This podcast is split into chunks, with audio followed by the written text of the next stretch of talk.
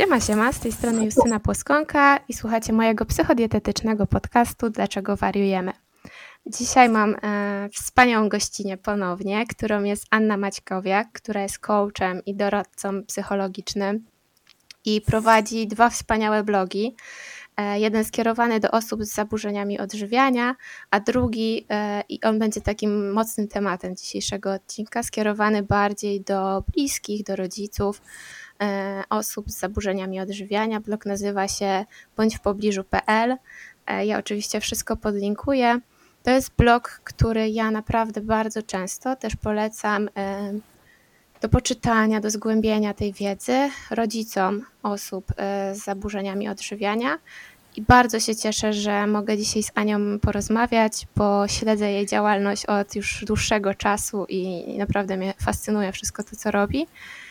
Mm, I mam nadzieję, że ten odcinek będzie takim e, wsparciem, troszkę kierunkowskazem, e, zarówno dla osób, które doświadczają zaburzeń odżywiania, ale również dla ich bliskich. Witam Cię, Aniu, bardzo serdecznie. Witaj Justyna, witam wszystkich, którzy będą słuchać tej rozmowy. Bardzo dziękuję za tak miłe i ciepłe przedstawienie. Aniu, e, ja wiem, że, e, mm, że zajmujesz się też właśnie zawodowo pracą z osobami z zaburzeniami odżywiania, ale powiedz może też tak z Twojej perspektywy parę słów o sobie, gdzie pracujesz, gdzie Cię możemy znaleźć i skąd Twoje zainteresowanie zaburzeniami odżywiania? Ja się nazywam Anna Maćkowiak. Tak jak powiedziałaś, jestem doradcą psychologicznym i, i coachem, a moje e, zainteresowania z zaburzeniami odżywiania wynikają stąd, że dawno, dawno temu sama wyszłam z anoreksji. E, I e, ten temat jest mi bardzo bliski.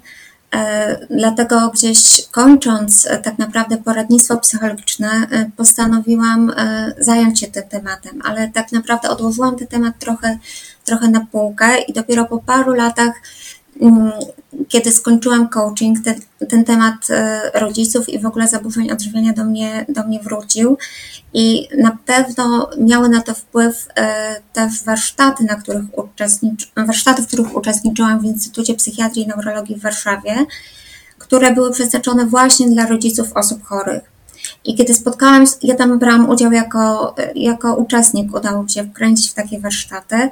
I kiedy zobaczyłam tych rodziców, zobaczyłam, jak bardzo oni szukają informacji, jak wiele jest informacji w internecie takich, które, y, które nie do końca są sprawdzone, to, to ten temat wrócił. I, I tak naprawdę po tych warsztatach utworzyłam właśnie blog, o którym wspomniałaś, bądź pobliżu, bo zależało mi też na takiej gdzieś porządnej psychoedukacji e, właśnie rodziców i osób bliskich, e, bo z własnego doświadczenia też wiem, że ta rola rodziców jest e, bardzo ważna, rodziców i bliskich. I tak to, mm. i tak to zaczęło i w tej chwili prowadzę, głównie prowadzę jakieś konsultacje dla rodziców online, ale prowadzę też spotkanie z osobami, które są po zaburzeniach odżywiania, ponieważ to poradnictwo psychologiczne, ja bardzo nie lubię tej, tej nazwy, ale to były dwuletnie studia i one tak naprawdę uprawniają tylko do prowadzenia takich krótkoterminowych e, spotkań, takich terapii do pół roku, więc ja z osobami, które e, dopiero zaczynają leczenie zaburzenia odżywiania, tak naprawdę nie pracuję. E, ja pracuję z osobami, które są już albo pod koniec i chcą na nowo, jak same mówią, ułożyć to swoje życie, albo, e, albo właśnie z rodzicami. Mhm. No myślę, że to jest i tak bardzo właśnie potrzebna działka, e, to, ta, ta praca właśnie z bliskimi, to o czym też wspomniałaś, bo tak jak ja Ci powiedziałam też trochę przed, przed naszym nagraniem, że że ci rodzice faktycznie bardzo często się bardzo e, martwią, są zagubieni, szukają właśnie tych informacji, szukają pomocy. Mm, nie zawsze wiedzą, w jaki sposób reagować, tak żeby faktycznie mm, pomagać i, i żeby to szło wszystko w dobrym kierunku, więc cieszę się, że jest w internecie takie miejsce e, i cieszę się, że jesteś też ty, która udzielasz takiego wsparcia. No ale właśnie, spotkałyśmy się dzisiaj, żeby, żeby troszkę porozmawiać o tym wsparciu, w jaki sposób e, bliscy, nie tylko rodzice, ale no szczególnie jeżeli mówimy o nastolatkach, to najczęściej są to właśnie rodzice, e, mogą e, wspierać osoby z zaburzeniami odżywiania. Ale zanim dojdziemy do tego, to chciałabym Ciebie zapytać o taką rzecz, bo właśnie bardzo często mówi się, że w zaburzeniach odżywiania nie chodzi o jedzenie. I mhm. W takim razie, skoro nie o jedzenie, to o co w nich chodzi? Czym one w ogóle są i dlaczego tak się mówi? E, to rzeczywiście dosyć, dosyć popularne takie stwierdzenie, bo tu naprawdę nie chodzi o jedzenie. Dla mnie, e, mówiąc tak prosto i trochę upraszczając ten temat, e, nie wdając się w żadne kryteria diagnostyczne, to zaburzenia odżywiania są sposobem na poradzenie sobie z czymś e, trudnym, są jakąś strategią na e, poradzenie sobie z jakimiś właśnie trudnościami, problemami. I ja kiedyś na Facebooku umieściłam taki model góry lodowej. E, I jeżeli przyjmiemy ten model, to tak naprawdę zaburzenia odżywiania są samym wierzchołkiem tej góry lodowej, a tak jest tym, co my widzimy. E, są to pewnego rodzaju zachowania, takie jak jedzenie, niejedzenie, przeczyszczanie, e, aktywność fizyczna. E, natomiast pod spodem jest, jest czy może być mnóstwo różnorakich konfliktów, które ta, konfliktów które, i trudności, które ta osoba stara się rozwiązać właśnie poprzez tego typu zachowania. I warto wiedzieć, że zachowania zawsze spełniają jakąś funkcję, że y, one zaspokajają naszą y, potrzebę. My się zachowujemy w taki, a nie inny sposób, żeby na przykład zaspokoić y, ważne dla nas potrzeby, albo do czegoś dążyć, albo od czegoś uciekać. I teraz cały ten proces gdzieś psychoterapii polega na tym między innymi, żeby zobaczyć, co jest pod spodem tak naprawdę i żeby nauczyć e, tą osobę jakichś nowych strategii reagowania, jakichś nowych sposobów radzenia sobie, czy to z emocjami, czy z konfliktami, e, z jakimiś trudnymi e, przeżyciami wewnętrznymi. Czasem to są doznania z ciała, czasami to są różnego rodzaju lęki, frustracje, różnego rodzaju tego typu rzeczy. I jeżeli będziemy w ten sposób podchodzić do rozumienia tych zaburzeń odżywiania, e, że tak naprawdę nie chodzi o jedzenie, to, e, to może nam to też pomóc e, w towarzyszeniu osobie, osobie chorej, tak? Bo tak naprawdę mi się kiedyś spodobał bardzo taki cytat, który powiedziała dr Krystyna Pomorska, że walka z samym tylko zachowaniem może przypominać walkę z kretem. Bo jeżeli my będziemy tak bardzo skupieni na tym, żeby zmienić te zachowania i nakłonić dziecko do tego, żeby ono więcej jadło, to bez zrozumienia, dlaczego ono postępuje w taki, a nie inny sposób, to y, funkcję tego zachowania, tego na przykład niejedzenia, może przyjąć inne zachowanie. I często osoby, y, i często może to być dużo jeszcze gorsze y, zachowanie, tak? Jak na przykład e, czasem można się spotkać e, z takimi wypowiedziami osób, chociażby na grupach facebookowych, które same jakoś postanawiają wyjść z tych zaburzeń, tak? I bez pomocy specjalistów. I, I sobie postanawiają, teraz jest taki czas postanowień, i sobie postanawiają, że na przykład od nowego tygodnia albo od nowego roku y, już nie będą miały nawrotów i, i potem zadają takie pytanie, czy Wam też na przykład w zaburzeniach odżywiania y, towarzyszył alkohol, czy y, no bo mhm. funkcje, funkcje na przykład tego niejedzenia czy, czy nawrotów przyjmuje na przykład alkohol. Mogą też przyjąć różnego rodzaju inne zachowania. Także trzeba tak, dotrzeć. Mechanizm jest, jest ten sam, nie? Mhm. Mechanizm jest ten sam. Trzeba dotrzeć do tego, po co, jakie osoba ma korzyści, po co to robi. Czy mówiąc tak bardziej specjalistycznie, jakaś, jaka jest funkcja tych zaburzeń odżywiania w życiu danej osoby. Tak. Dokładnie to, to co mówisz, jest bardzo mi bliskie, nie? Że, że te zaburzenia odżywiania właśnie mają jakąś e, jakąś funkcję, spełniają jakąś potrzebę tej osoby, prawda? I, I dlatego ja też e, no zawsze podkreślam, że na przykład ja jako psychodietetyk, dietetyk, mm, no z takimi jakby kompetencjami, jakie mam, działam powiedzmy objawowo, prawda? Bo pracujemy właśnie nad relacjami z jedzeniem, nad unormowaniem tego, ale to psychoterapia jest tutaj tym, e, tym, tym kluczem, prawda? Żeby właśnie odkryć, jaką funkcję spełniają te zaburzenia odżywiania i, i tym się tutaj naprawdę porządnie zająć, bo mam taki mocny rozjazd, nie? Jak ktoś gdzieś tam mówi tylko w kontekście jedzenia o zaburzeniach odżywiania, no to co z tego, że my sobie poradzimy z tym jedzeniem? E, nie wiem, e, faktycznie, nie wiem, odbudujemy nasz organizm, czy w cudzysłowie pozbędziemy się napadów, ale jeżeli nie, nie zaopiekujemy tej na przykład potrzeby, czy tego, tej, tej funkcji, jaką to spełniało, no to to się właśnie objawi w innych równie bądź bardziej destruktywnych działaniach, no nie? I, i tak się będziemy tak. bujać, nie wiem, z, poczuci- z niskim poczuciem własnej wartości, czy no tak jak było u mnie na przykład, nie? Że powiedzmy żywieniowo ja sobie poradziłam, można powiedzieć, sama, z jakimś tam wsparciem mojego męża, a dopiero po jakimś czasie e, jednak zdecydowałam się na psychoterapię, bo widziałam, że mnie coś uwiera tak czy siak, nie? I tutaj wyszedł mhm. cały perfekcjonizm i wszystkie inne piękne rzeczy, nie? Więc e, pytanie właśnie mm, zawsze sobie zadaję też, co kto postrzega jako wyjście z zaburzenia odżywiania, nie? Czy tylko poradzenie sobie około żywieniowo, czyli de facto nie będzie spełniać kryteriów, czy patrzymy jednak głębiej, nie? Już na tą funkcję, na to, jak sobie potem radzimy w życiu i tak dalej, nie?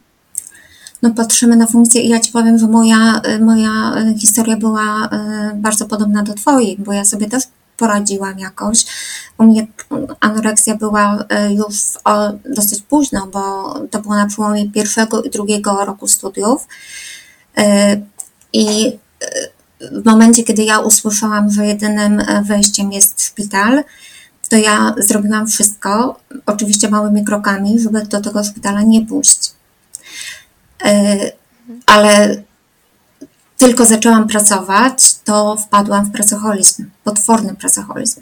W związku z tym ja w dalszym ciągu e, czegoś nie chciałam zobaczyć i czegoś nie chciałam zauważyć. I, i to była moja kolejna po prostu ucieczka. No może się wydawać, że pracoholizm to, to jeszcze taka najmniej może bolesna, tak? Ale potem te koszty, koszty w życiu e, są dosyć spore to mógłby być równie dobrze alkoholizm, więc y, trzeba na to bardzo uważać.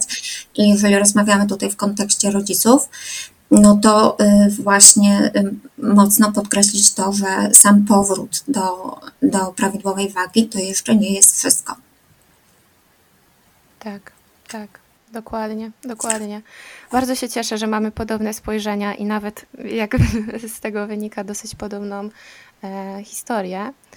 E, no ale właśnie, to w sumie troszkę o to zahaczyłeś mnie, nie? Skąd biorą się te zaburzenia odżywiania? Bo też często, e, już tak przechodząc właśnie do, do rodziców, do, do tego um, wspomagania dziecka, bardzo często rodzice sami sobie albo nawet na wizytach zadają takie pytanie, skąd się biorą te zaburzenia? Dlaczego dotknęły właśnie moje dziecko? E, rodzice bardzo często się obwiniają, e, co zrobiłam, co zrobiłam matka, tak na przykład, co zrobiłam źle, gdzie zawiniłam, co przeoczyłam, mm, że to, czy to moja wina, nie? Często też e, przychodzą właśnie z takim mocnym poczuciem winy. Mm, jakie jest Twoje spojrzenie na to?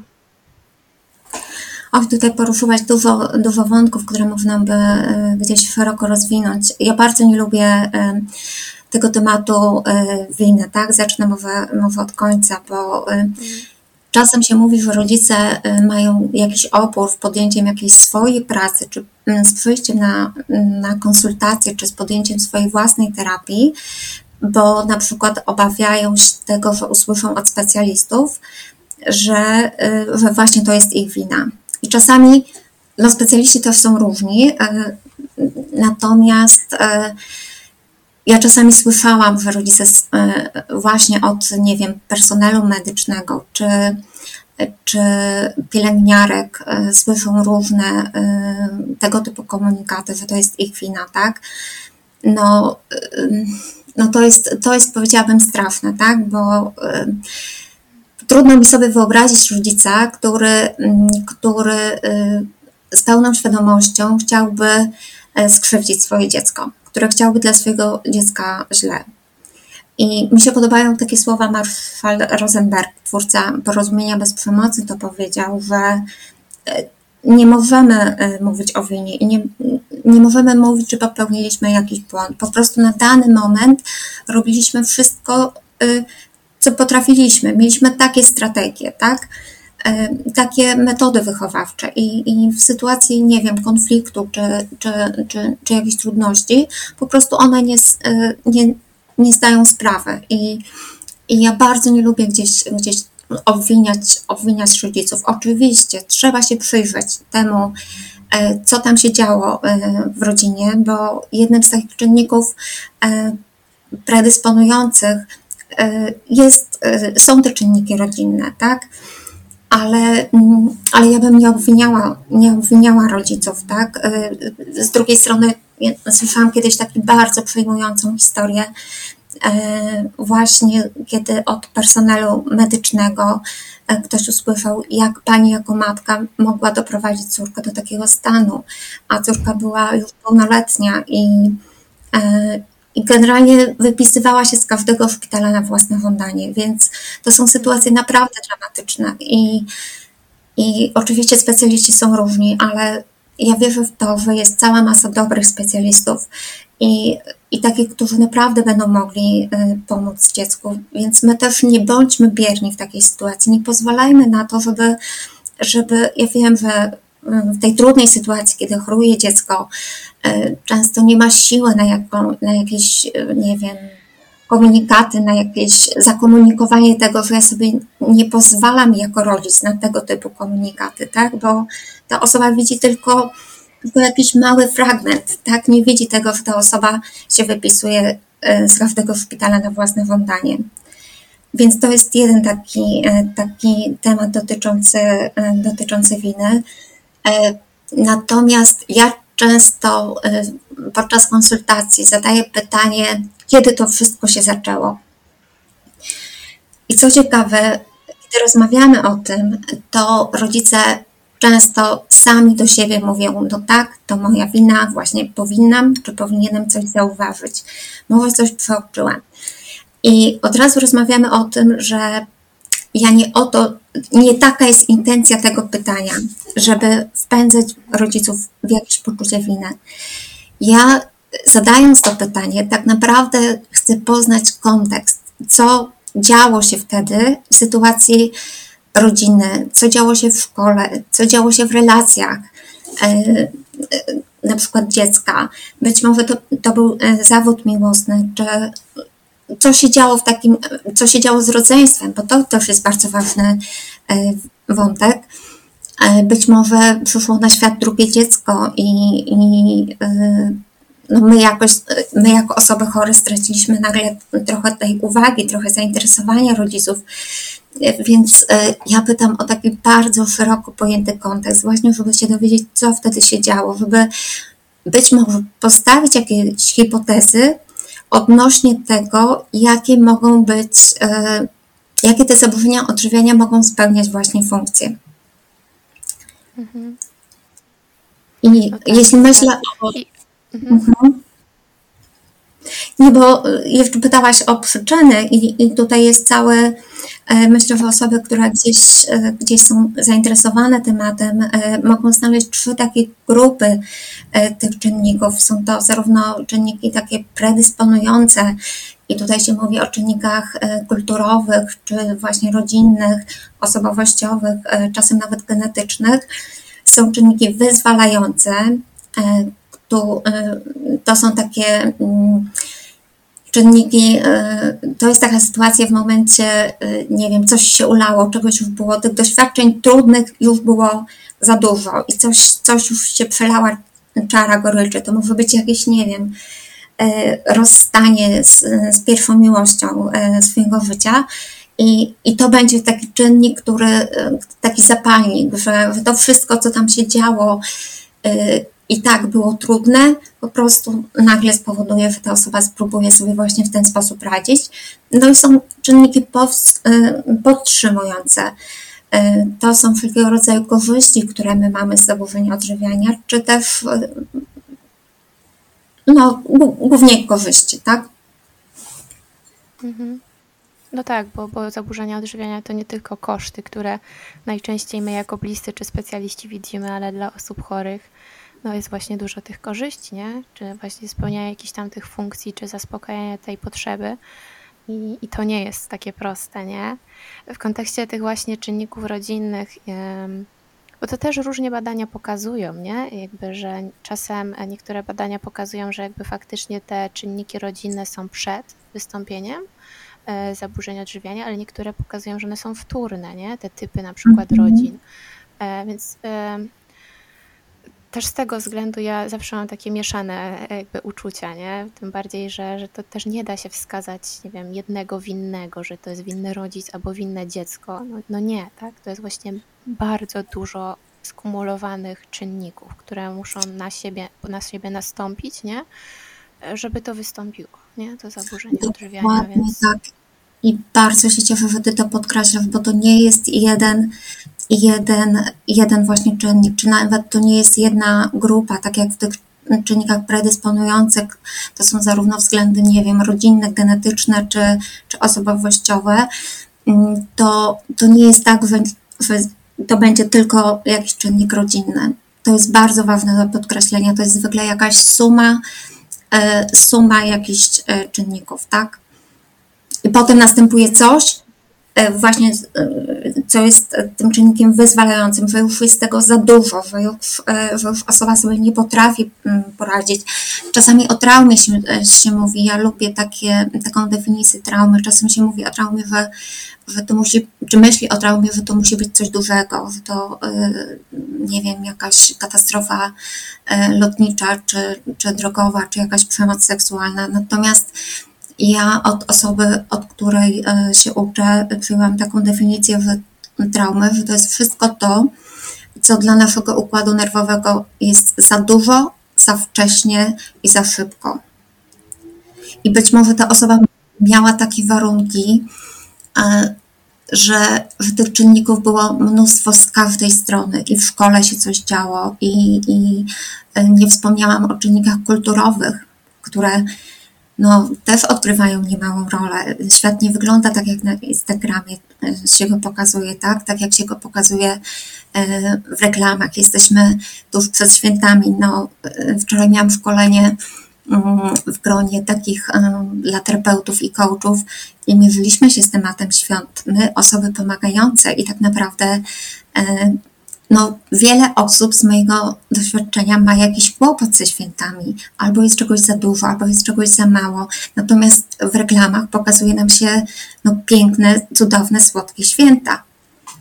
Mhm. Tak, więc to, co pokazuje nam e, świat, e, reklama, że tylko, tylko osoby szczęśliwe, e, tylko można być szczęśliwym, będąc szczupłym, to też ma oczywiście, oczywiście wpływ. I jeżeli będzie takie nagromadzenie, tych różnych bodźców, tych różnych czynników, no to w pewnym i w momencie, kiedy osoba na przykład nie ma wsparcia e, w domu, nie ma e, możliwości porozmawiania, czuje się niezrozumiana, no to wtedy próbuje sobie poradzić w jakiś inny sposób. Tak, tak. Ale z tymi czynnikami jakoś tak czuję też potrzebę teraz do powiedzenia, bo, bo mm, niestety słyszałam to wielokrotnie w gabinecie, w kontekście tych czynników kulturowych, że to też nie jest właśnie tak, że to one też są jakkolwiek, nie wiem, determinujące tutaj, tak, że e, nie wiem, teksty typu um, naoglądałaś się tego Instagrama albo modelek i ci się w głowie poprzewracało, nie? No to też tak nie jest, prawda? Więc to, to, to, to musi być kombo, kombo różnych rzeczy, nie? To jest kombo. Mm. To jest kombo. To, to jest dobre określenie kombo właśnie. Mhm. Ale właśnie rodzice też często y, pytają sami siebie albo specjalistę, czy mogłam jakoś, y, najczęściej to są właśnie mamy, więc mówię w formie, formie żeńskiej, ale czy mogłam jakoś temu zapobiec? Y, czy, czy, i co mam właściwie robić teraz, nie? Często, no, na przykład w anoreksji, bardzo często występuje ta hiperaktywność, czyli naprawdę wzmożona, wzmożona aktywność fizyczna, czyli mamy bardzo niskie spożycie energii, do tego jest multum tej aktywności, nabijania kroków i też pojawiają się takie pytania, co ja mam teraz robić, jak mam reagować, czy mam zakazywać tej aktywności fizycznej, nie wiem, e, zamknąć moje dziecko w domu, zmusić do jedzenia. I ja wiem, że to wynika wszystko z, z troski, tak, prawda, z zmartwienia się o to dziecko, bo ciężko się pewnie patrzy na jego cierpienie. Mm, ale no co robić? Co robić w takim momencie? Co robić? To jest e, dosyć obszerne pytanie. To znaczy, ja bym, ja bym nie szukała tej winy i, i, i to znaczy, jeżeli rodzice patrzą wstecz, czasami rzeczywiście dochodzą do jakichś wniosków. Czasami jak ja zadaję to pytanie, kiedy to wszystko się zaczęło, to rodzice widzą jakiś moment i rzeczywiście widzą taki, że mogli coś tutaj zrobić, że coś przeoczyli. Natomiast można w tym utknąć tak naprawdę i tak się pogrążyć, że y, w tym, że to jest jakaś moja wina, że nie skupimy się na tym, co teraz i nie będziemy y, myśleć o tym, w jaki sposób my teraz możemy pomóc, a możemy zrobić, zrobić gdzieś bardzo, bardzo dużo. Y, więc ja bym za bardzo, no, stało się, tak? Y, być może, być może coś przeoczyłam, czy przeoczyłem, ale trzeba wyciągnąć wnioski i, i pójść, i pójść dalej po prostu. E, natomiast co rodzice mogą zrobić? E, no, jeśli do mnie zgłaszają się e, osoby na konsultacje, to często potrzebują takiej, powiedzmy wręcz bazalnej wiedzy, że tak naprawdę potrzebny jest cały zespół na przykład specjalistów. Mm, że potrzebna jest zarówno psychoterapia, zarówno dietetyk, czasami jest potrzebny psychiatra, jest potrzebna jakaś opieka lekarska, czasem na przykład lekarz gastrolog. I to w różnego rodzaju miejscach coraz, e, już coraz więcej jest takich miejsc, gdzie ta e, opieka jest taka kompleksowa, gdzie, gdzie, gdzie jest zespół specjalistów, którzy zajmują się dzie dzieckiem. Więc potrzebują, potrzebują czasami pokierowania, tak, do kogo. Ja jeszcze cały czas niestety widzę, jak bardzo rodzice boją się psychoterapii. Nie wiem, czy ty też tego doświadczasz w, w swojej pracy. Boją się psychoterapii dziecka. Czasami uważają, że może, może sam dietetyk wystarczy. Nie wiem, czy to też Powiem jest. Szczerze, że u mnie, u mnie y, na szczęście nie. Na szczęście nie, mhm. że mm, nie, nie, nie, nie, nie chcę zaryzykować powiedzeniem, że 100%, ale większość e, faktycznie osób takich nastoletnich korzysta z psychoterapii. Powiem więcej, bardzo wielu rodziców korzysta z psychoterapii również. Oczywiście innej, nie, nie tej samej. E, mhm. więc myślę, że to też jest bardzo e, fajnym rozwiązaniem. Tutaj Mm, też no, ja zawsze na przykład powtarzam, że martwy ratownik to nie ratownik, nie? Jeżeli rodzice tak. tutaj też nie zadbają o siebie i, i wiadomo, że choroba dziecka to jest mm, bardzo duże też obciążenie psychiczne dla bliskich, tak? I jeżeli tutaj, e, więc mają prawo sobie po prostu z tym emocjonalnie nie radzić. I, i i muszą zadbać też o siebie, tak? o swoje zasoby, żeby, żeby jeżeli chcą być wsparciem, no to, to, to muszą mieć te zasoby. A dwa, mm, nie zawsze, ale czasem też zaburzenia odżywiania mm, wynikają z takiego lęku przed dorosłością, nie? I tak tutaj ważne właśnie, żeby rodzice też w odpowiedni sposób pokazywali, nie? Że, że można sobie z tą dorosłością radzić, z tymi jakimiś rzeczami, które nas w dorosłości spotykają, bo jeżeli będą mm, no, nie tak by pokazywać, że e, nie, nie, opiekując się sobą, nie? że to jest faktycznie ciężkie, że, że nie wiem, nie radzą sobie emocjonalnie i tak dalej, no to, to może też zmagać ten lęk przed dorosłością tego dziecka, nie? Dokładnie, dokładnie. Tutaj modelują to, że problemy w życiu są, są gdzieś czymś e, normalnym i te problemy się po prostu rozwiązuje. E, jeżeli nie potrafimy tego rozwiązać e, sami, no to korzystamy wtedy z pomocy specjalisty. I tutaj dotknęłaś takiej bardzo ważnej rzeczy, jak właśnie takie wyregulowanie samych rodziców, bo mm, poradzenie sobie z własnymi emocjami, bo no w tych zaburzeniach odżywiania też mówi się o tym, że jest bardzo dużo emocji i, i osoba ma trudność e, z poradzeniem sobie z, e, e, z tymi emocjami. Jedną z, z funkcji, nie wiem, chociażby wymiotowania, to może być bardzo szybkie, bardzo szybka ulga, tak? Bardzo szybkie zredukowanie tego napięcia, co przynosi rzeczywiście krótkoterminową mm, ulgę. I teraz y, tych, y, tych emocji i tego napięcia jest, y, jest niezmiernie dużo. Jeżeli sobie pomyślimy, że osoba budzi się rano, osoba z anoreksją budzi się rano i, i pierwsze co robi, to, to, to robi tak zwany test obojczykowy, czy, czy um, sprawdza, czy kości jej wystają, czy, czy wystają jej kości na miednicy, no to możemy sobie wyobrazić, tylko wyobrazić, w jakim ogromnym ona żyje ciągle napięciu. I teraz, jeżeli ona w domu ma też taką sytuację, ja rozumiem, że to jest sytuacja trudna, ale jeżeli ona w domu doświadcza też y, kontaktu z osobami, które są roz, rozregulowane emocjonalnie, no to ona nie będzie miała takiej bezpiecznej bazy. I ta godzina w tygodniu y, jakiejś terapii to jest naprawdę mało. Terapeuta powinien być taką osobą, e, z którą ta osoba się będzie, będzie doświadczała tak zwanej koregulacji. Tak? E, to już takie e, fachowe terminy, z, z, jeśli chodzi o układ nerwowy i, i teorii poliwagalnej. Natomiast warto, żeby rodzice też byli takim koregulatorem dla dziecka, bo dziecko nauczy się regulować swoje emocje tylko i wyłącznie wtedy, samo nauczy się tak zwanej samoregulacji, jeżeli wcześniej doświadczy koregulacji.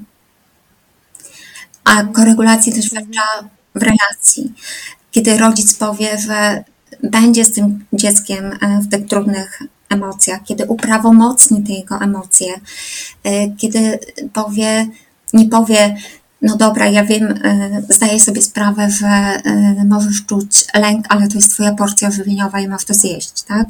Tylko kiedy pobędzie z dzieckiem w tych trudnych emocjach, kiedy powie, że tak, to co przeżywasz jest trudne, bo ja, bo nie wiem, może ja powiem na przykładzie, o którym mówiłam też jakoś na swoim filmie, że e, ja nie jadłam chleba i panicznie się bałam jeść ten chleb.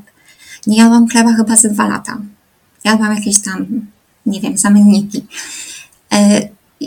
I dla mnie to było strasznie trudne i to był potworny lęk, więc to, co można by powiedzieć w tym czasie, to ja widzę, że to jest dla ciebie e, trudne, bo nie jadłaś chleba przez dwa lata, tak? I zostawiamy, zostawiamy pauzę na to, żeby ta osoba coś poczuła. I kiedy to zrobimy nie tak, oczywiście, jak ja to mówię w ten sposób, e, e, dosyć szybko i, i, i nie zrobimy to z takiej formułki, tylko zrobimy to naprawdę próbując wejść w buty tej osoby, próbując zrozumieć, co ona tak naprawdę czuje, y, zostawimy taką, taką przestrzeń, to rzeczywiście uprawomocnimy te emocje i, i pomożemy jej jakoś poradzić sobie z tym lękiem, tak? Będziemy z nią w tym, w tym lęku. To samo, to samo robi um, terapeuta podczas, podczas sesji terapeutycznych, tak? Ja pamiętam swoje sesje E, terapeutyczne, kiedy wchodziłam e, i opowiadałam o jakichś trudnych wydarzeniach, nawet z ostatniego tygodnia, nawet w sytuacji, e, w sytuacji, gdy już pracowałam, nawet, nawet nie opowiadałam sytuacji jakiejś tam z przeszłości. I przychodziłam taka, nie wiem, przychodziłam albo smutna, albo, albo jakaś zdłuszczona i opowiadałam swojej terapeutce, E, różne sytuacje, a terapeutka ze spokoju mówiła, Pani Aniu, to co Pani przeżywa jest strasznie smutne, albo to jest strasznie trudne. I kiedy my przychodzimy tacy na to trzeba tego doświadczyć najpierw e, na sobie, żeby to, to chyba odpowiednio zrozumieć. Kiedy my przychodzimy tacy, tacy nabuzowani, tacy, gdy ktoś nam powie, ale, ale to normalne, że pani to przeżywa, bo, bo ja bym czuła to samo w tej sytuacji to jest właśnie uprawomocnienie emocji i rodzice potrzebują takiego, takiego wyregulowania, żeby być takim też e, właśnie taką bazą dla swojego dziecka. Jest taki eksperyment, ja to kiedyś też zamieszczałam na Facebooku, kamiennej twarzy matki. Jak malutkie dziecko reaguje na, na takie mimowolne, na taką kamienną twarz matki jak reaguje jakimś niepokojem, tak? Lękiem ogromnym.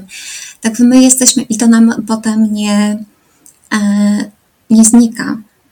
My w dorosłym życiu, ja pamiętam też taką sytuację, to się z kolei nazywa neurocepcja, e, kiedy potrafimy wejść do jakiegoś pomieszczenia, jesteśmy e, w nowym towarzystwie pierwszy raz w życiu, idziemy tam na przykład z jakąś nam bliską osobą, więc nie jesteśmy tak zupełnie sami, ale patrzymy na jakąś osobę i coś nam w tej osobie nie pasuje, e, coś mówimy, nie, no coś nam w tej osobie nie pasuje, tak? Mimo tego, że jest mhm. miła, podchodzi do nas, że się przedstawia, a nasze ciało się potrafi spiąć i, i mówi nie, osoba jest jakoś niebezpieczna, coś tu jest nie tak.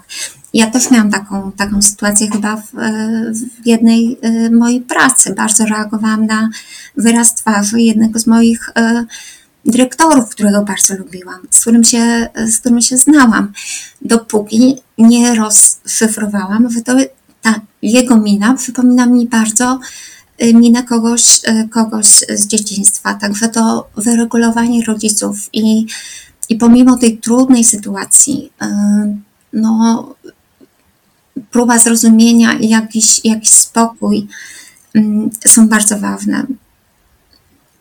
Mhm. Tak. Dla, ja też tak zawsze mówię, że właśnie dla w cudzysłowie znowu przeciętnego Kowalskiego jest e, też to niewyobrażalne, nie? że dana osoba może, nie wiem, czuć, od, odczuwać naprawdę ogromny lęk przed zjedzeniem po, potencjalnie zwykłego posiłku, nie? E, i, i ja sobie lubię jakby porównywać, że to jest, nie wiem, jakby, mm, jakby ten przeciętny Kowalski stał, nie wiem, na moście i miał skakać na bungee, nie? To większość mhm. osób też będzie odczuwać ogromny, ogromny lęk, prawda? I dla tej mhm. osoby chorej na zaburzenia odżywiania, nie wszyscy tak mają też, ale no jednak duża, duża część bardzo boi się tego jedzenia, prawda? Mm, to jedzenie jest naprawdę ogromnym lękiem, tak? I tutaj, jeżeli my będziemy właśnie, nie wiem, popychać, szturchać tą osobę z tego mostu, to nie pomoże, nie? To, to, to wcale nie pomoże w tym lęku. E, I tak samo zmuszanie nie? do tego jedzenia, to tutaj nie jest, nie jest za bardzo pomocne, nie? No nie jest pomocne, bo tak naprawdę nie, nie jak sobie przypomnimy to, o czym rozmawiałyśmy na początku, że tu nie chodzi o jedzenie, że tak. no to, to może przynieść, przynieść zupełnie, zupełnie odwrotne rezultaty, tak, że, że czasami może to zaburzeń odżywiania, no niestety, ale, ale y, gdzieś to przejść w jakieś inne, bardziej jeszcze um, destrukcyjne y, zaburzenia, nie wiem, mogą się pojawić samookaleczenia, czy, czy właśnie alkohol. Także tutaj y, no, zmuszanie do tego jedzenia y, no, nie przynosi, nie przynosi rezultatów. Tak, no albo nasilić same te zaburzenia, prawda? Bo też często albo jest kwestia tutaj kontroli, prawda, i tak dalej. I no i może to, to jakby nadmierna kontrola, nadmierne zmuszanie, to może tylko jakby powodować większy opór, wycofanie, mm, poczucie niezrozumienia, braku wsparcia i to niestety może się Dokładnie. I tak jak mówiłaś, mówiłyśmy trochę o, o tych korzyściach, mi, mi bardzo było trudno oddać to, na co ja pracowałam dwa lata. I, yy, i to jedzenie chleba wywoływało straszliwy lęk. Yy, że ja to, że ja to teraz stracę, a ja na, na to naprawdę ciężko pracowałam. Mhm. I w momencie, kiedy my nie mamy innych właśnie strategii na poradzenie sobie z, y, z trudnym, y, no to stosujemy takie strategie, jakie znamy. I ja pamiętam z poradnictwa nas bardzo y, uczulono, żeby nie zabierać tych mechanizmów obronnych, nie wiem, to akurat nie było w kontekście zaburzenia odżywiania, ale stosujemy różne mechanizmy obronne w życiu i dzięki nim tak naprawdę y, przetrwaliśmy. To, nie wiem, generalizacja, na przykład racjonalizacja są takimi mechanizmami obronnymi, żeby nie zabierać, jest ich całe mnóstwo, żeby nie zabierać tego za wcześnie, bo, bo po prostu osoba nie będzie, y, nie będzie sobie umiała poradzić, tak? Jejku, właśnie e, byłam ostatnio, bo ja mam y, taką mocną fascynację aktem i o, moja miłość. Forma uczę się akt.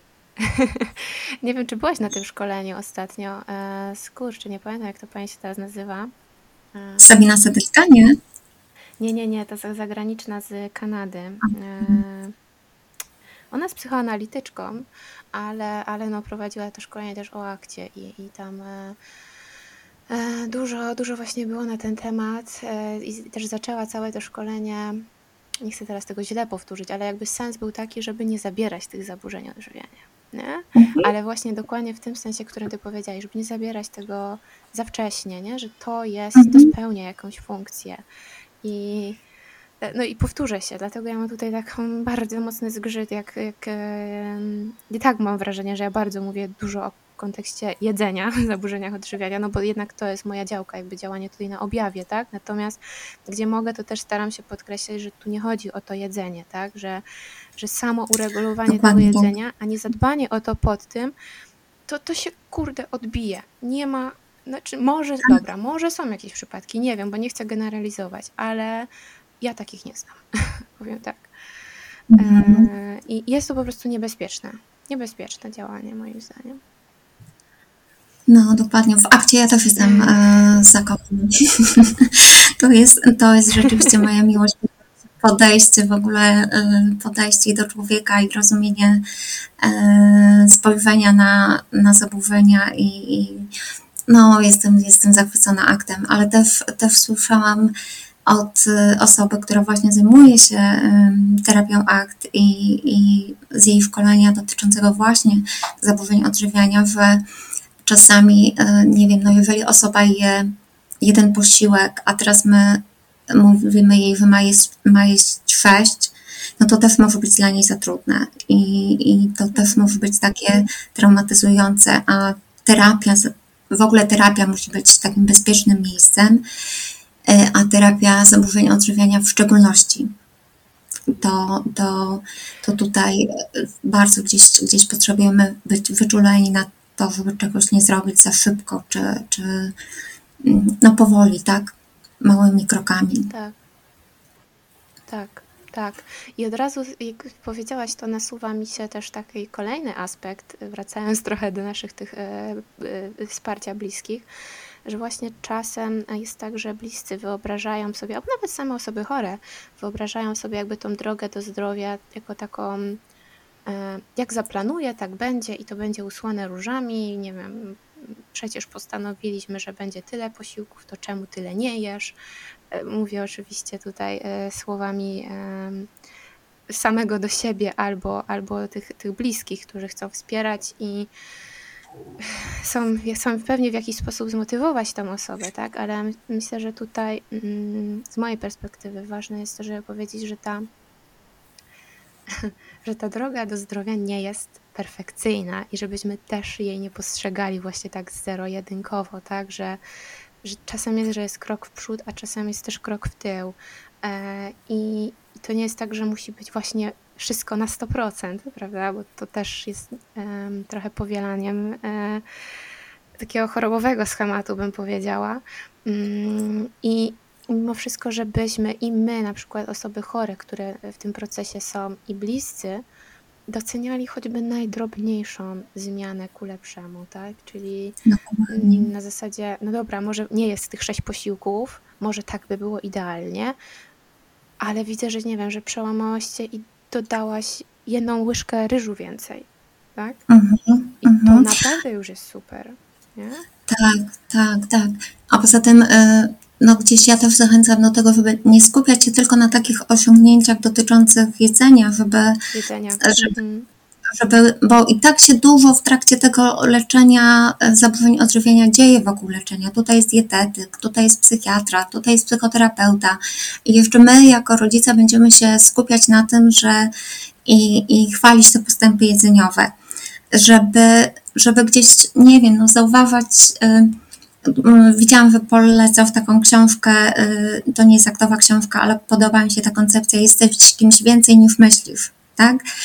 Żeby, mm, żeby pokazać temu dziecku, że ono tak naprawdę jest, y, jest kimś więcej niż, niż ta etykietka chorobowa, którą, którą gdzieś, gdzieś nadajemy, że on jest kimś więcej niż niż choroba i, i pokazać to poprzez e, doświadczenia, poprzez różnego rodzaju aktywności. Być może uda się zachęcać dziecko do jakichś wspólnych aktywności, czy ja znam e, osoby z konsultacji, które mówią, że, że dziecko odkryło w trakcie choroby jakąś, e, jakąś swoją pasję, na, nawet poprzez, ponieważ do, do terapii na przykład był włączony rysunek i, i dziecko odkrywa, że, że w sumie to, to lubi e, malować, żeby doceniać takie inne obszary e, jego życia, tak? Żeby ono zobaczyło, że jest kimś więcej, żeby raz zobaczyło, a dwa tego doświadczyło. Tak, to jest, to jest bardzo cenne i bardzo się cieszę, że to dodałaś bo też bardzo często właśnie to podkreślam, nie? Żeby, żeby teraz nie było tak, że całe życie rodziny kręci się wokół jedzenia, tak? Bo no to, to znowu jest takie taplanie się w tym błocie, nie? Mm, tak. A dwa, myślę sobie, że mm, może się teraz mylę, no ale istnieje wtedy chyba takie ryzyko też, że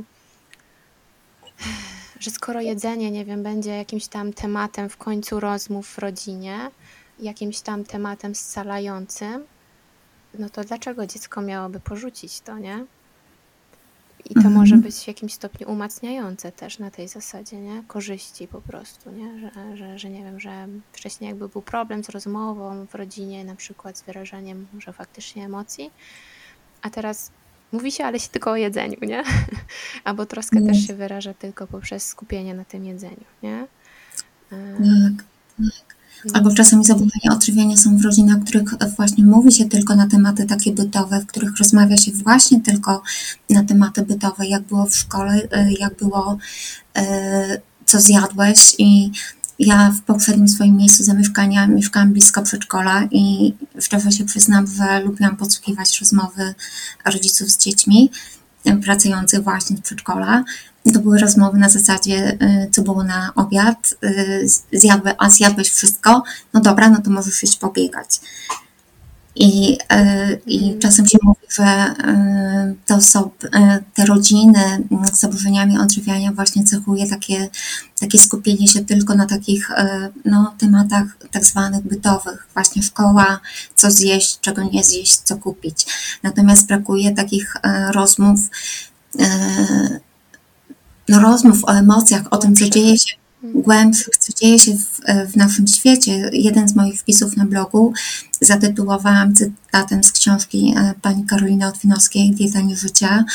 Jest to książka, którą polecam dla rodziców, nie polecam jej raczej dla osób chorych, e, która e, w tej książce napisała anoreksja zawsze wiedziała, jak ze mną rozmawiać. Tak? I to jest zastanawiające, bo bo no, anoreksja potrafi, y, potrafi doceniać, potrafi mówić miłe rzeczy. Y, no tak było, tak było u mnie, ja to, ja to mogę powiedzieć z własnego doświadczenia, że mm, no mówiłam miłe rzeczy, tak? Ja sobie stawiałam kolejne cele, realizowałam je i w pewnym momencie, chyba na samym początku prowadzenia fanpage'a umieściłam taki y, wpis, że ja siebie lubiłam taką, naprawdę siebie taką lubiłam taką sprawczą, e, stawiającą sobie kolejne cele, realizującą je. To daje naprawdę ogromną, ogromną, ogromną siłę.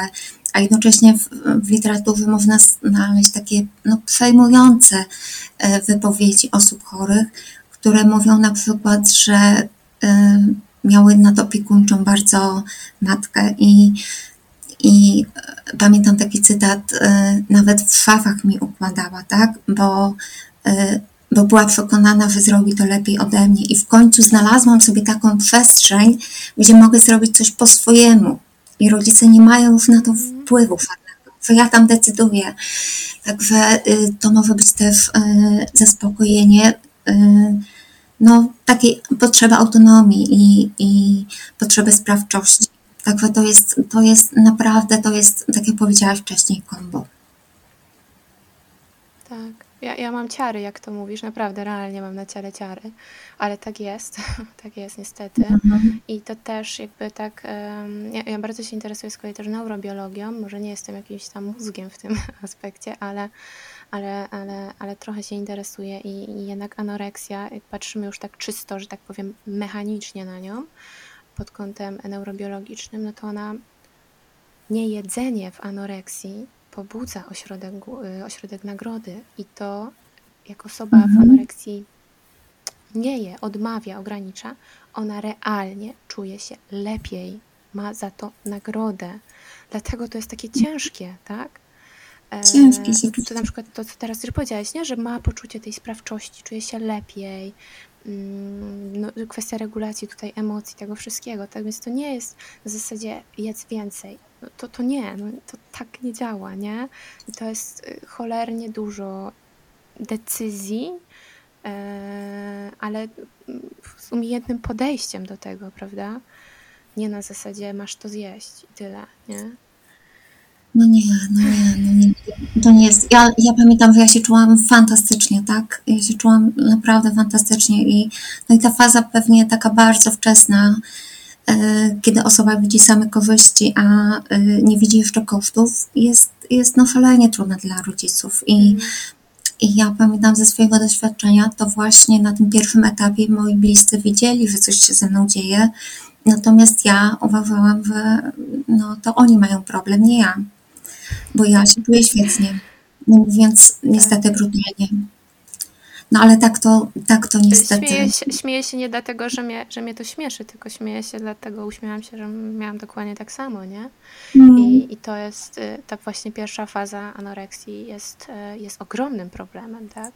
W sensie i, no, osoba chora tego nie widzi, tak? No, y, ale otoczenie widzi, zaczyna się już martwić.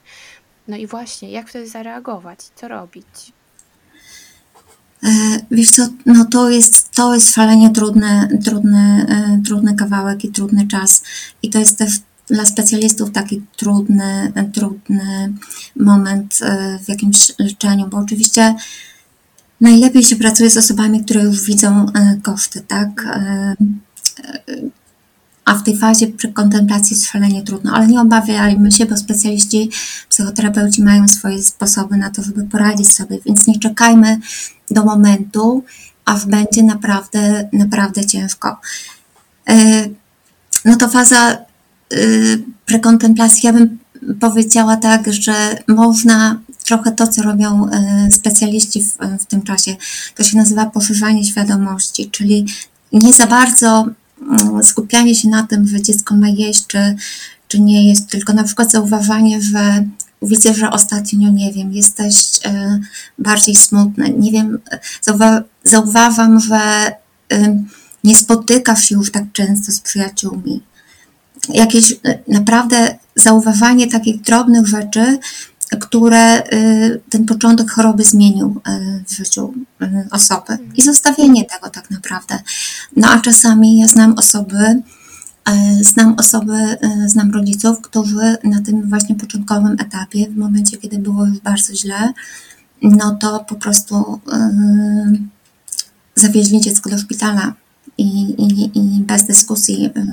I potem po latach, oczywiście był bunt, była złość ze strony dziecka, ale po latach dorosła już córka podziękowała tym rodzicom. I tutaj naprawdę no nie, nie czekajmy do. Czasem się mówi, że osoba będzie się w stanie zmienić, jeżeli dosięgnie dna.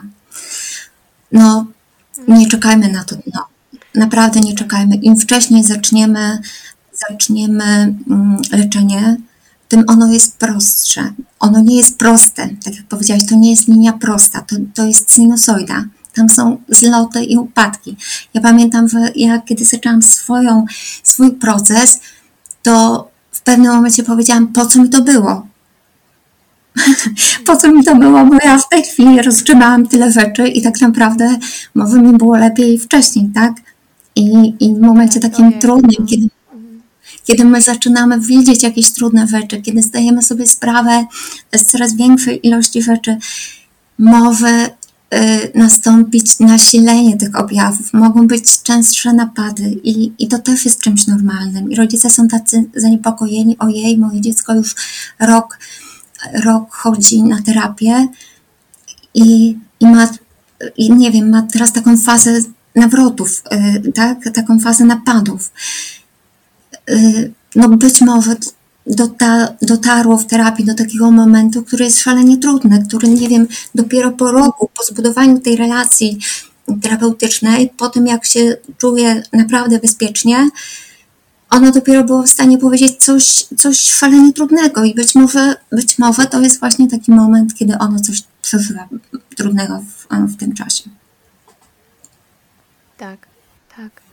Tak, jakby to, jak, kiedy to mówiłaś, bo mam plan nagrywać taki trochę solo, krótki odcinek właśnie na temat, czy można tęsknić za anoreksją, nie? I to jest trochę w kontekście tego, tego co mówiłaś, nie? Że ona faktycznie dużo daje i jeżeli my nie zaopiekujemy właśnie tych potrzeb, tych funkcji, nie, nie, nie zaadresujemy tego inaczej, no trochę zaspoileruję ten mój przyszły odcinek, ale no, no to wtedy myślę sobie, że realnie można, nie? Jeżeli to było coś, co nam jedyne jako zaspokajało to wszystko, nie? I jakoś regulowało. A dwa, mm, e, właśnie jak o tym mówiłaś, ja, ja mam taką jedną pacjentkę, może będzie tego słuchać, jak coś to pozdrawiam, z którą już właściwie, no już kończymy, już kończymy, już tam nie ma w ogóle tej anoreksji tak naprawdę. I ona powiedziała mi tak na jednej z ostatnich wizyt takie, taką ładną rzecz, że że właśnie teraz e, jakby takie, takie inne problemy dochodzą nie? Do, do głosu, w sensie takie problemy też dnia codziennego i tak dalej, że to, to nie jedzenie już nie zaprząta właśnie tej całej głowy, już nie jest ucieczką, reakcją obronną, regulacją, nie jest tym, nie? Że już, już jakby jak w normalnym, takim naturalnym życiu, nie? Że już, już zauważa po prostu problemy dnia codziennego, stara się im sprostać i tak dalej, i tak dalej. I nie wiem, no dla mnie to było piękne, to co ona powiedziała po prostu. Tak, to jest, to jest piękne, bo, bo, bo to jest tak naprawdę, y, no w zaburzeniach odżywienia jakoś strasznie zawężamy to nasze życie. Y, y, ono jest czasem, jest taka piękna medytacja, ciasny pokoik. My możemy zredukować to nasze życie tylko, tylko właśnie do, do tego obszaru jedzenia czy, czy jedzenia tylko do w pewnym momencie orientujemy się w tym życiu, że jesteśmy w takim ciasnym pokoju, tak, że, właściwie to nie mamy relacji, nie, ma, nie mamy życia, nie mamy y, pasji, jesteśmy bardzo samotni i, i czasami ten właśnie moment jest dla wielu osób takim momentem, że się decydują na, na terapię. Mhm, tak. Ojejku, chciałam jeszcze, jeszcze e, w sumie tak trochę kończąc, ale o, o tą główną rzecz Ciebie zapytać. Mm, bo, bo już dużo mówiłyśmy o bliskich, o tym, co dają zaburzenia odżywiania i, i mam nadzieję, że to, to nie będzie miało takiego wydźwięku wzmacniającego dla kogoś, e, bo, bo nie o to w tym chodzi, tak? Bo, bo one są, no mają ogrom, ogrom niestety tych negatywnych konsekwencji. E, ale, ale w kontekście tych bliskich, tak, e, jak, jak ci bliscy mogą jakby realnie reagować, jakbyś tym wsparciem Wiem, że też, że u Ciebie na blogu jest fajne takie porównanie do zwierzątek i nie wiem, czy, czy może o tym byśmy powiedziały, nie? Tak na koniec. W jaki sposób się faktycznie zachowywać, a w jaki może niekoniecznie, też może na, na zasadzie jakimi komunikatami się tak już realnie y, posługiwać, tak żeby dać jakiś konkret tym osobom, a, a jakimi może niekoniecznie. Okej, okay. ja, ten, e, ja ten model e, zwierzęcych metafor rzeczywiście poznałam w Instytucie Psychiatrii i Neurologii i potem e, właśnie coś kliknęło w mojej głowie, że, że można z tym, z tym modelem fantastycznie pracować bo ten model um, opisuje dwa, dwie takie, dwie takie um, zarówno proces, nie wiem jak to nazwać, e, powiem tak, um, sposób opieki nad dzieckiem i sposób radzenia sobie z emocjami. I tutaj jest sześć takich w sumie zwierzątek. I teraz tak, na sposoby radzenia sobie z emocjami to to y, jest metafora meduzy, czyli mm, to, to, jest, to są takie postawy rodzicielskie, które, y, w przypadku, nie wiem, zaburzeń odżywiania tych emocji jest i tak dużo, jest dużo lęku, a te osoby jeszcze robią taką nerwową atmosferę, tak, tak cały czas, nie wiem, cały czas międlą, międlą te emocje, cały czas, nie wiem, są w jakimś takim napięciu, nie potrafią, nie ma takiej chwili, chwili spokoju. Te emocje są po prostu wszędzie i, a tak naprawdę nie, tak naprawdę y, nikt y, tam nie jest wyregulowany, tak? Y, po prostu wszyscy są w takim, w takim, nie wiem, stresie, napięciu, złości. Tych emocji jest po prostu dużo, tych emocji jest wszędzie. Z drugiej strony jest ta metafora strusia, która rodzice, nie wiem, chowają głowę w piasek i uważają, że nic się nie dzieje. I, i na jakieś emocje też, też nie reagują.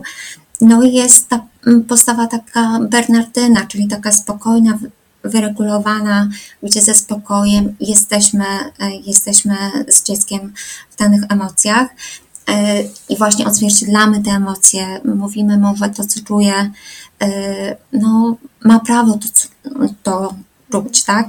Czasami tutaj, jeśli chodzi o emocje, to, to czasami rodzice, to też jest myślę bardzo ważny wątek, przychodzą e, na różnego rodzaju konsultacje w momencie, kiedy dziecko z osoby bardzo grzecznej, czy na przykład grzecznej dziewczynki, nagle zaczyna e, wyrażać swoją złość, i, i zaczynają wyrażać w sposób bardzo na początku agresywny. To co Rosenberg powiedział, że to jest, on to nazwał taką fazą tupetu.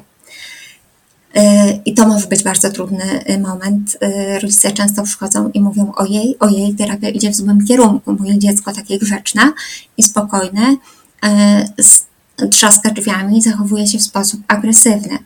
No, Niestety tak może być i, i jak kiedy słyszę tego typu komunikaty, to jakoś tam wewnętrznie, wewnętrznie się jakoś, jakoś cieszę, bo widzę, że coś tam się zaczyna dziać, że nim się nauczy tych takich komunikatów asertywnych i zacznie komunikować się na przykład tym komunikatem UFO czy WO, to, no to niestety to przechodzi przez taką, taką fazę. Ja pamiętam y, jeszcze tą swoją fazę tupetu, to, to było to bardzo trudne, natomiast jest to, jest to gdzieś konieczne, tak? Natomiast też rodzice będą potrafili towarzyszyć dziecku w tych trudnych emocjach, y, jaką, jaką jest na przykład złość, jeżeli sami będą mieli dobrą relację ze, ze swoją złością. Mhm. I tutaj jest. Do tego zaopiekowania się rodzicu, rodzice, brakuje mi polskiego, żeby rodzice zaopiekowali się samymi sobymi. Samą, samym sobą może być. Tak, tak, tak. tak. Tutaj ta, nikt nas też nie uczy, jak sobie radzić z emocjami i jak sobie, e, więc ten temat złości jest takim dużym, dużym tematem do pracy czasami właśnie dla, dla rodziców. Natomiast jeśli, jeśli chodzi o, o wracając do te, tych zwierzęcych metafor, to o te sposoby opieki nad dzieckiem, tutaj są e, trzy metafory kangura, delfina i nosyrowca. E, no, kangur to symbolizuje takie postawy rodzicielskie, które są nadopiekuńcze i które gdzieś to dziecko chcą za wszelką cenę e, wziąć do tej swojej przysłowiowej torby i, i nie wiem, wszystko wiedzieć, co, co w życiu tego dziecka się dzieje i nie wypuszczać, bo tu, tutaj się przewrócisz, a tam sobie zrobisz krzywdę i trzymają to dziecko tak bardzo mm, bardzo w tej przysłowiowej torbie. E, I to jest pewnie znowu ta sytuacja, o której też rozmawiałyśmy wcześniej. Czy może być ta sytuacja, że, że osoba znajduje w końcu taką przestrzeń, w której może coś zrobić po swojemu, tak? E, na drugim końcu jest postawa nosorożca, mm, czyli taka postawa bardzo racjonalna, bardzo charakterystyczna dla mężczyzn. E, gdzieś przejawiająca się czasami w takich komunikatach, no niech nie przesadza, e, niech nie je, ja tak miałem, albo ja miałem gorzej i wyrosłem na ludzi. E, no taka, taka bardzo, bardzo racjonalna, w której no, jest bardzo mało emocji. Taka, no czasami, czasami kobiety, jak przychodzą na, na konsultacje do mnie, to mówią, że właśnie mąż jest mąż reprezentuje taką postawę, taką racjonalną. No jak tak można? Jak można nie jeść? Jak można sobie świadomie niszczyć zdrowie, świadomie niszczyć życie? I takie komunikaty są często wygłaszane, no niestety, również przy dzieciach. Więc to jest taki, taki drugi, takie drugie ekstremum. No a pomiędzy jest delfin i i ten delfin, który, który gdzieś, gdzieś podobno tak się zachowują delfiny, że albo, albo płynie z przodu, albo płynie, płynie z, z boku, albo z tyłu.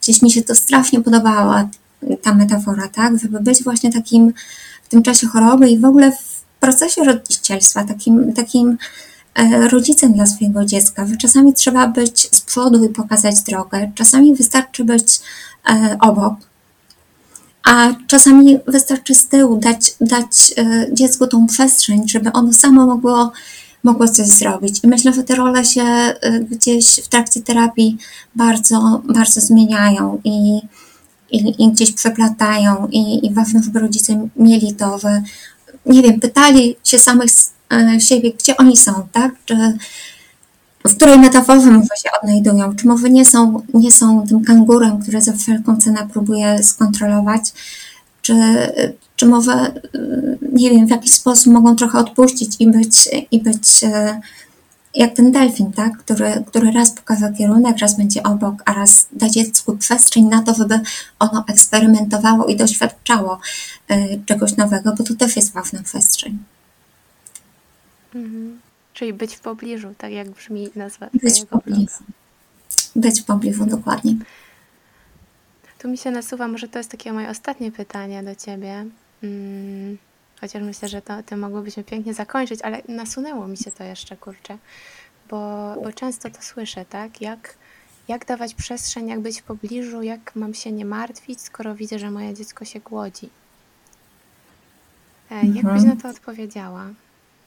Wiesz co, ja w ogóle bardzo nie, nie, nie lubię tego, tego sformułowania martwię się. E, mhm. Nie lubiłam tego w trakcie, w trakcie swojej e, choroby i w dalszym ciągu tego nie, nie lubię, jak rodzice mówią, jeżeli e, właśnie do dziecka martwię się o ciebie. Jeżeli, to znaczy powiem tak, jeżeli obie strony, zarówno rodzice, jak i dziecko odbiera to w ten sam sposób, odbiera to jako troskę, no to okej, okay, nie, ma, nie ma dyskusji. Natomiast dla mnie słowa martwię się, no jakoś nie są, e, nie są wyrazem troski. Dla mnie to gdzieś pod spodem jest taki komunikat, nie wierzę w ciebie, tak naprawdę. Nie wierzę, że sobie poradzisz.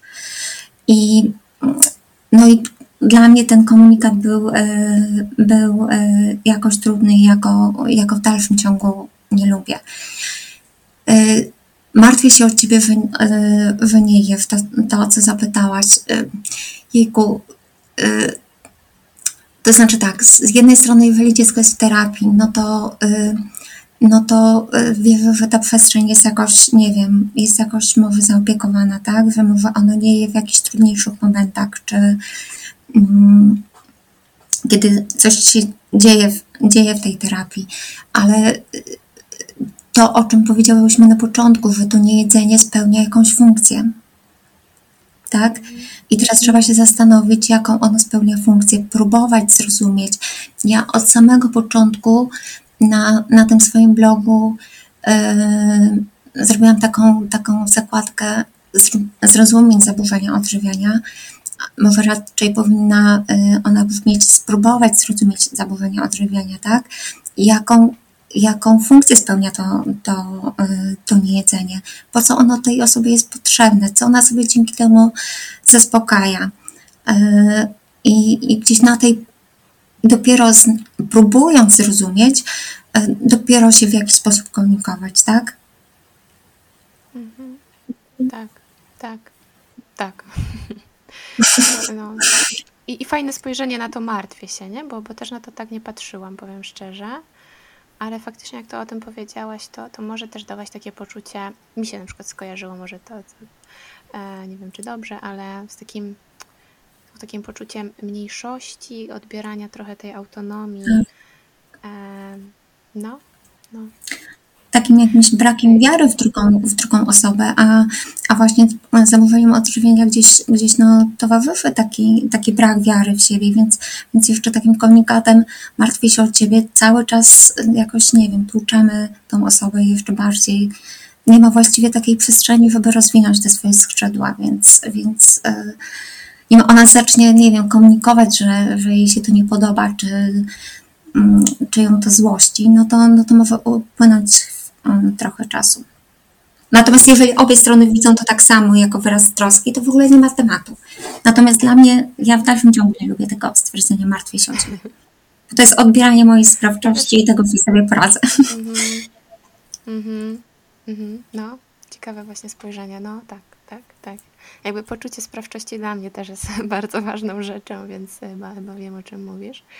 Um, Okej, okay, okej. Okay. Myślę, że właśnie takim, e, już tak kończąc, nie? takim właśnie, żebyśmy mogły dać też takie, nie wiem, tipy, jakimi komunikatami, chociaż to też wybrzmiało, nie? Że, że może zamiast tego widzę, że jest ci ciężko, czy może nawet mówiąc bardziej RTZ-owo, tak, bo tutaj ta semantyka też będzie ważna. Widzę, że jest to dla ciebie wymagająca sytuacja, nie? Że, że zmagasz się z czymś, e, z czymś, wymaga, zmagasz się z czymś wymagającym. Jak mogę ci pomóc, nie? Dokładnie. Też, żeby dawać też, ja zawsze mówię, żeby dać też tą przestrzeń, żeby może ta osoba chora może też um, mogła poszukać, ale też ma prawo tego nie wiedzieć, e, mhm w jaki sposób może oczekiwać tego wsparcia od tej drugiej osoby, nie? Tak, albo możemy zrobić mózgów na przykład i tak, i, i, i pomyśleć nad jakimś rozwiązaniem wspólnie. Czasami też w coachingu zdawa, jest, taki, jest takie narzędzie, o którym wspólnie szukamy jakichś rozwiązań. I, i myślę, że w takiej przestrzeni z dzieckiem y, też można by to zrobić, tak? No to może poszukajmy, poszukajmy, zobaczmy, jakie są rozwiązania, jakie są opcje. Mhm. Tak, tak. Bo ja też mam takie doświadczenia, bo, bo z wieloma faktycznie rodzicami z dzieciakami pracuję. Znaczy głównie z dziećmi, tak? No ale rodzice gdzieś tam są e, też obecni oczywiście w tym wszystkim i, e, i naprawdę widzę, że to jest e, bardzo, bardzo, bardzo różne i w sensie takim, że trzeba znaleźć to indywidualne, indywidualne dobre wsparcie dla danej osoby, bo dla jednych to, że nie wiem, osoba będzie towarzyszyć przy posiłku na przykład, to będzie super i czują się z tym dobrze i czują się z tym nawet lepiej mm, i jest to wspierające właśnie dla nich, a dla innych totalnie nie. E, I e, myślę, że trzeba, trzeba właśnie bardzo też indywidualnie do tego podchodzić. Zresztą ja zawsze unikam dawania konkretnych rad, tylko mhm. bardziej e, no, poszuk poszukiwania, nie? Poszukiwania wspólnego, mhm. co dla, danej, dla danej osoby w danym momencie będzie wspierające. Dokładnie. Ja też zachęcam do tego, żeby tak właśnie elastycznie podchodzić do tego, co my piszemy na, na to, co ja piszę na tym swoim blogu, tak, żeby to przefiltrować przez swoją sytuację, e, bo bardzo trudno dawać jakieś ogólne rady. Niektórzy mówią, że, że kontrolować, niektórzy mówią nie kontrolować. To naprawdę trzeba bardzo, bardzo indywidualnie do tego podejść, a jeszcze nawiązując do, do mojej historii, to mm, do tego, że ja sama przyszłam przez zaburzenia odżywiania i teraz gdzieś, gdzieś wspieram w tym, w tym obszarze, to ja pamiętam z czasów studiów e, właśnie e, poradnictwa mm, taki moment, kiedy nasi wykładowcy mówili, że jeżeli sobie wybierzecie jakiś obszar do pracy, e, z którego sami wyszliście, z którym sobie sami poradziliście, to bardzo uważajcie na to, żeby nie, nie pomagać takimi sposobami które Wam pomogły, bo to może być kompletnie nieprzydatne dla osoby, e, z którą będziecie pracować i tak naprawdę utkniecie e, w tym procesie. Doszkalajcie się, słuchajcie różnych rzeczy, rozwijajcie się w tym kierunku, ale bądźcie otwarci, poznawajcie różne metody pracy i no i myślę, że to jest, to jest bardzo cenna wskazówka, bo niektóre E, niektóre osoby mogą e, właśnie towarzyszyć jako specjaliści właśnie w ten sposób. Ja wyszedłem, czy wyszłam w ten sposób i to jest jedyne słuszne, mi to pomogło. E, proszę bardzo za mną, a to, a to niestety no, to jest bardzo indywidualna, bardzo indywidualna kwestia. Tak, tak. milion procent zgody. Bardzo, mm. bardzo mocno się zgadzam. Tak, żeby też nie przekładać właśnie własnego doświadczenia na, na czyjeś e, i, i, i pomagać tylko w jeden, jedyny sposób, bo to się, to się, to, to, to nie ma prawa w ogóle się udać.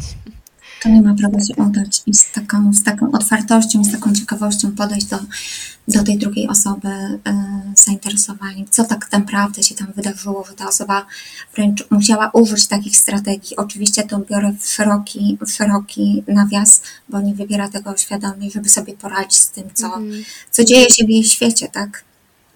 A żeby być tak, jednocześnie tak. zainteresowanym tym, co, co się zadziało w, w tym jej świecie, że ona aż posunęła się do takich, do takich, e, do takich strategii. Tak.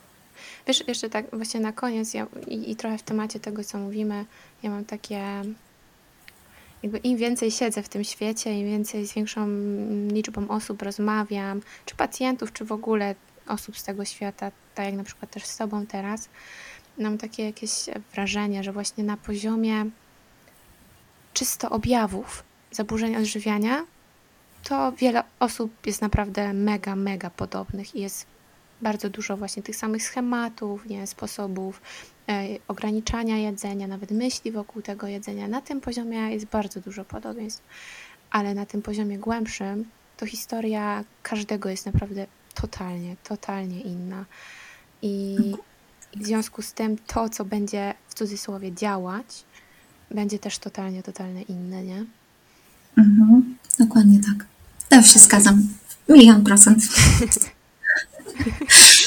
Dobra, Aniu, ja Ci bardzo, bardzo dziękuję za tą rozmowę i tak jak mówiłam, mam nadzieję, że mi się uda obrobić ten materiał. Ona się pokaże przed świętami i będzie pomocna zarówno też dla tych osób e, chorych, ale też i dla tych bliskich, żeby na przykład przy tym newralgicznym e, momencie, też wspominałaś właśnie o świętach, o, o, przy tym wigilijnym stole, żeby może spojrzeć na te osoby, na naszych bliskich, którzy mają na przykład zaburzenia odżywiania w trochę inny sposób e, i, i żeby faktycznie te święta też nie kręciły się wtedy wokół jedzenia albo niejedzenia, e, tylko, tylko żeby znajdować te inne obszary, o których dzisiaj, dzisiaj mówiłyśmy dużo.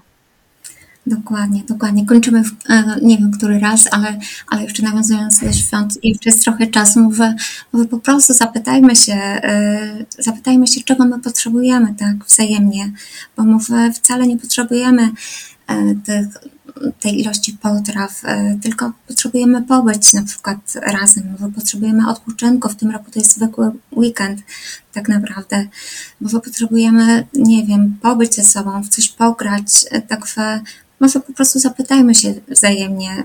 Tradycja jest piękną, piękną sprawą i kultywowanie tych tradycji jest piękne, natomiast no, myślę, że wiele takich szczytów w trakcie świąt i to nie tylko jeśli chodzi o osoby z zaburzeniami odżywiania, wynika z tego, że my jesteśmy tak usztywnieni w tym, że to ma wyglądać w ten, a nie inny sposób. Mm, tak.